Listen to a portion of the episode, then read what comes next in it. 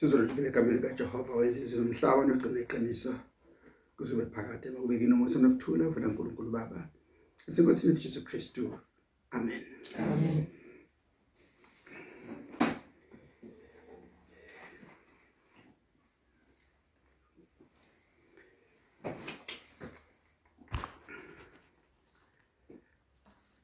amabhayibheli ethu namhlanje na siwavula encwadini kaMarko.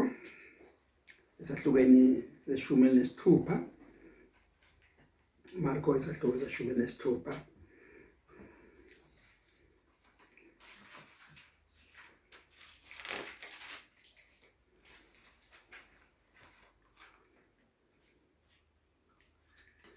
sifunda indima yeshumi elinane.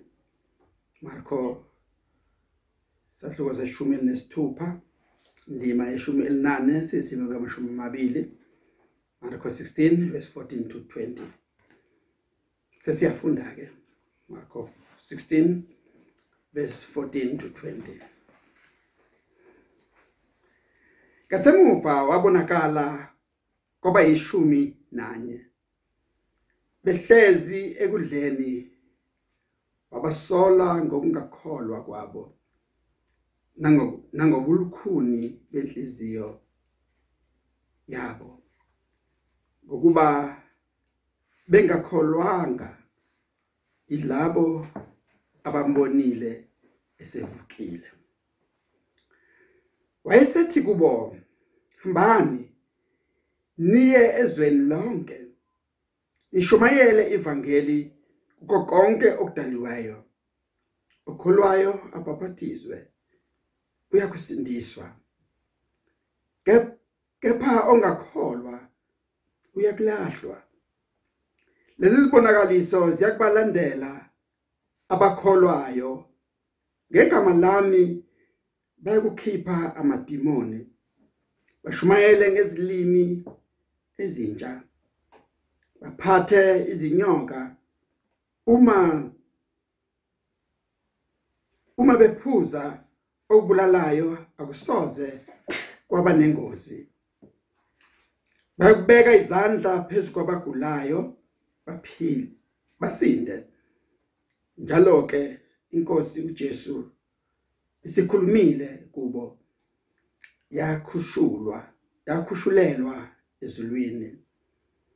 Yahlala ngokwesokunene sikaNkuluNkulu. Kepha bona bephuma beshumayela ezindaweni zonke. Inkosi isebenza nabo iqinisa iqinisa izwi ngezibonakaliso ezilandelayo. Amen. Baba siyabonga izwi lakho libeka phakathi kwethu ngalesikhathi libosiseke liqondise kithi. Amen. Inibingelela ke bazalwane egameni lika Kristu uJesu. Ngifisa kangaka ukuba sibukele indaba esike sadlula kuyona kade siyibheka ohlangothini lika Matthew and manje siyibheka ohlangothini luka Marko siyazi phela ukuthi oMatthew noMarko babizwa ngama synoptic gospel.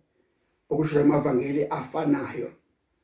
Kodwa noma kunjalo ilona lombhali unohlangothi oluthile ahamba ngalo abhala eqonde kulona.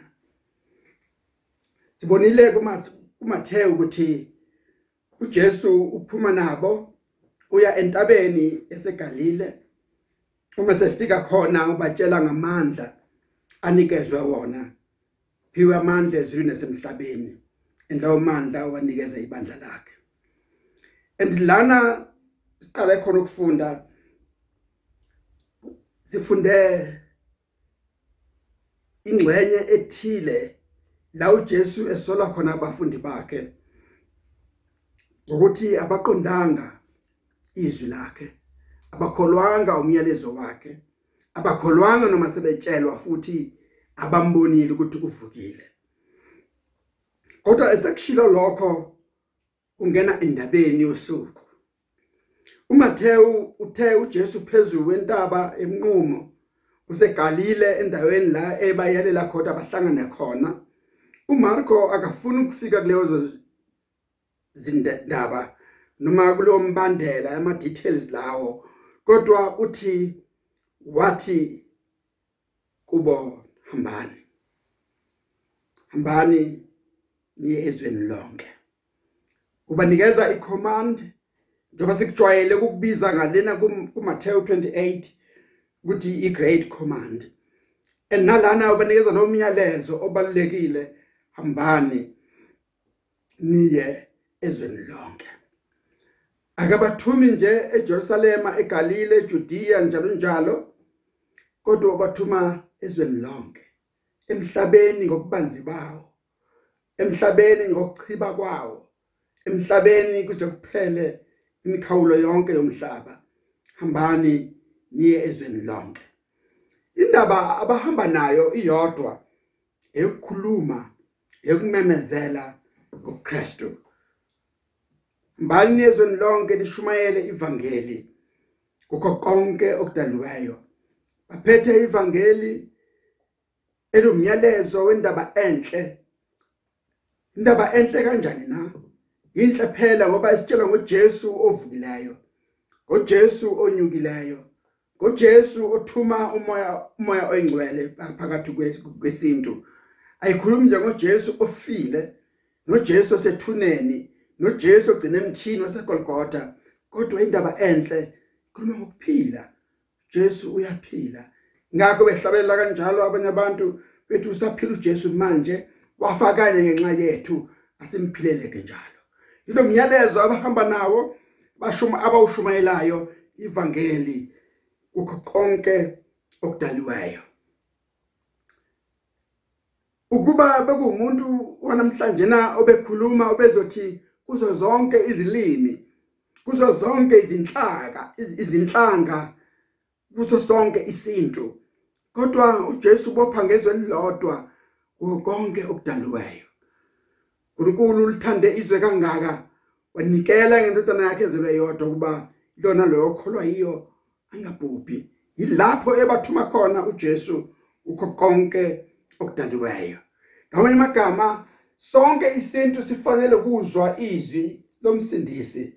Bonke abantu abaphilayo emhlabeni noma ngabe baphansi emkhomazi noma ngabe basenhla nenquthu noma ngabe bakanongoma noma ngabe kuthiwa basegazankulu noma kuphi lapho bekhona noma ngaphesheya kwezilwandle kufanele bezwile ngoKristu ophilayo ngoKristu osindisayo ukho konke okudaliweyo. Khumbula phela ukuthi mawufunda kuJoel isahlukweni sesibili kukhulunywa ngokwehla kukamoya oyingcwele uthi ngiyakuthulela umoya wami phezulu yonke inyama. Yilokhu akushona lana kukho konke okudaliweyo kukho konke okuphefumulayo kukho konke kungumfanekiso kaNkuluNkulu kukho konke kunofuzo nofuziselo lwakhe. Kufanele kulizwile ivangeli. Endulamkelayo lo vangeli kuyofanele kuba aphawulwe olamukelayo ivangeli kuyofanele baphawulwe okholwayo ababhathizwe akube khona umehluko phakathi kwabalamkelile ivangeli nokuba ngalamukelanga abalamkelile baphethe imishini yokubhaphathiza bonke abalamkelile okholwayo abhaphathiswe uyakusindiswa. Omunye ubezothi namhlanje na? Okholwayo asindiswe uyakubhaphathiswa kodwa uJesu konke uhlangene okholwayo abhaphathiswe uyakusindiswa andingeke sakhele imfundiso phezulu ukuthi kholwa kuyima usindiswa kuyima ubhaphathizwa kodwa uNkulunkulu ufuna abantu bakhe bebhaphathisiwe there is a main thing. Ufuna abantu bakhe bephawuliwe abantu bakhe benesibambiso sombhabhadiso benesibambiso sokuthi bangabantwana bakaNkuluNkulu. Kepha khona uhlangothi oluseceleni lo labo abangakholwanga bazoshiwa kanjani bona? Abashunyeziwe bangalizwi bangalamkela izwi balizwile bangalithatha bangalenza kepha ongakholwa uyabulahlwa uMarko akathandabuzi ustraight nje okholwayo ebhabhadiswa insindiso leyo ongakholwa lahleni ngaphandle ngoba ulahlile ithuba ulahlile isikhathi sensindiso. Ngicabanga ukuthi siyabona manje ukuthi omabili amavangeli akhuluma ngolimo olulodwa kuphela ukuthi ama subject athe ukuhluka. Ngalana uthi hambani bashumayeze ngalana uthi hambani nenze izizwe abafundi. Ngifuna abafundi ngifuna abantu abafundile izwi lami ngifuna abantu abayazi imfundiso yami ngifuna abantu abazikonke ngami. Bese nibabhabhadise egameni likayise ndodana likamoya ingcwele ngalana uthishumayelane ezizweni fakana amatende. Phumana umkhankaso. Vangelani. Enzani umsebenzi. Kodwa kokubili kuyacomplementana ngoba oshunyayeziwe ivangeli kufanele ufundise afundiswe. Ofundisiwe ivangeli yiloyo oshunyayeziwe bese kwakhiwa ibandla lika Kristu uma sekwenzekile konke lokho lezibonakaliso ziyakubalandela abakholwayo. Ebandleni lika Jesu asikwazi ukuhamba sichumayele sifundise kungenzeki lutho. Akwazi ukwenzeka ukuthi umyalezo kaNkuluNkulu uphume ubuye ulambatha. Usho njalo uNkulunkulu ezwini lakhe kuIsaya 55 wathi izwi lami alibuyi lingafezanga umsebenzi walo.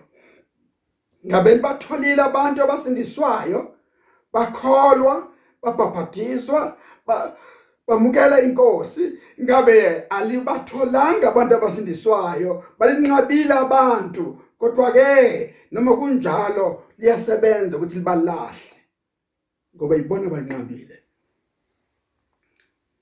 andisibonakaliso siyakubalandela abakholwayo ngegama lami.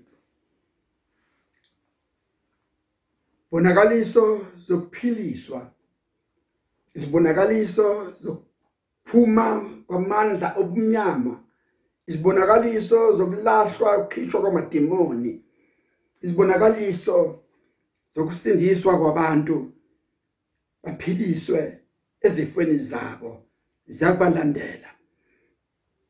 Uma ibandla lika Jesu lenza umsebenzi walo amademoni awakaze ajabule amademoni awakaze ahlala khululeka gegetheke ngoba suke azi ukuthi ufikile umbuso kaNkuluNkulu.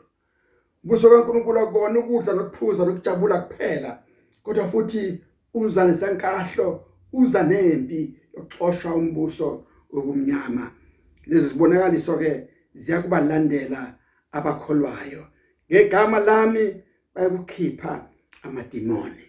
Siyazi namhlanje na ukuthi kunama ministries amaningi aspecialize ngokukhipha amademoni akuspecialize ngokwenza lokhu nalokhu nalokhu kodwa umbuzo ukuthi bakwenza ngegama lika Jesu na?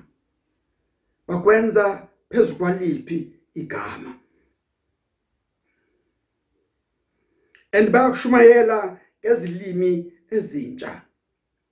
Sibonile ngePentecost ukuthi abantu bagcwala umoya bakhuluma ngezilimi ezintsha ababengazazi kwabona. And sifanele siqonde futhi lokho akushoyo umpostoli uMarko lana nalokho akushoyo uPaula encwadini yakhe yabaseKorinte nalokho okwenzekayo encwadini yezenzo. Encwadini yezenzo bashumayela ngezilimi ezintsha bayaconfirma ukuthi siyabezwa bekhuluma ngolimi lwakithi. Ngesiperte ngesigriki ngesielamithi njalo njalo. Zonke izilimi ezazikhona eJerusalema ilona lo wabuyela ekhaya ezwile izwi kaNkuluNkulu ngolimi lwakubo. Endi kanjalo futhi umpostoli ukhuluma ngokukhuluma ngezilimi okungelona ulimi noma ilanguage kodwa okulimi lukamoya. And masingaphambanisi ke lezi zinto kodwa umpostoli uMarko lana ufuna ukuthi abantu bazi ukuthi uma selifikile ivangeli liyoqhutshwa nezilimi zonke liyakushunyayelwa emazweni onke. Alikho izwe eliyosala lashunyezwa ngoba kuthiwa ulimi lwakhona asilwazi. uNkulunkulu yakubapha abantu bakhe ukukhuluma ulimi oluyozwakala luchachile kuleso sintu nakulelo lizwe kuze umbiko wevangeli ufinyelele ebantwini bonke. And lokhu makungasenzi sihambe silingisa abanye abantu sihambe sibhidilisha into engayenzi ingqondo. Kodwa silindele uNkulunkulu kuba asiphe ukuphumisela izwi lakhe. Uverse 18 uveza amandla ukuthi amandla esitha ubuthi besitha abusoze baba namandla phezulu kwabakholwayo. Bayakuphatha izinyoka. Zingabalumi uma zibalumile zingabi nabuthi emzimbeni yabo ngoba kugcwalisiwe ngamandla kaMangcwele. Ngizalona ngifuna lana siqonde. Uma kuthiwa bawuphatha izinyoka akusho ukuthi abafundisi bazoshumayela bephethe izinyoka. Akusho ukuthi opastor bazoshumayela befake izinyoka emakameleni abo behamba nezinyoka emabhuthini ezimoto zabo. Uma benjalo sokumsebenzi kaSathane. Akukona lokho okushiwo yizwi kaNkuluNkulu lana kodwa kowasebenza imisebenzi kumnyama baphuze okubulalayo akusoze kwaba nangozi kubo kuba amandla enkazimulo amandla kamoya engcwele eyobe ekhona esebenza ukubavikela ukuprotecta izinceku nezincekukazi zikaNkuluNkulu. And babeka izandla phezukobagulayo baphiliswe. Ngamanye amagama uJesu transfera amandla akhe kubashumayeli ebandleni lakhe kubathunywa bakhe. Ingakho ethi hambani hambani nenze sizwe zonke abafundi hambani nishumayele konke okudaliweyo and abakwazi ukumemeza njena bengabona abaphathiswa bengenamandla abanikezwa wona uma bebhekana nezinkinga zezifo uma bebhekana nezinkinga zamalumbo nemimoya fanele bakwazi ukuziconfronta balwe nazo. Njengoba inkosi uJesu ibanikezile amandla okwenza lokho. Njalo ke inkosi uJesu isikhulumile kubo yakhushulwa yakhushulelwa ezulwini. Sebayalile obayalisisa abanikeza ama instructions okufanele ibandla lihambe ngawo okufanele abawasebenzise njengabakholwayo wabanikeza amathuluzi ukuthi endleleni bazokwenza njani? Then siyabashiya wakhushulelwa ezulwini.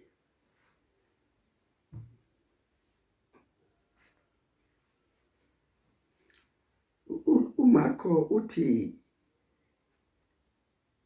wahlala ngokwesokunene sikaNkuluNkulu.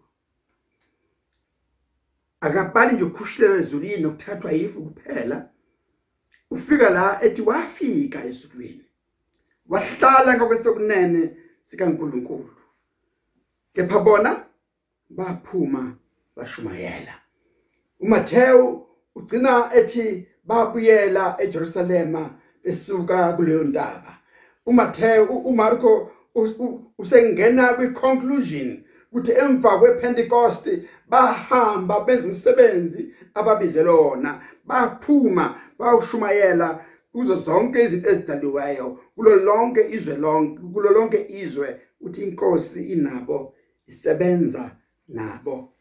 Ibafakazethi abahambi bodwa kodwa bahamba noJesu. Kwaseka izwi uJesu asishilo kubona bekani mina nginani. Inkosi isebenza nabo iqinisa izwi ngezibonakaliso ezabalandelayo.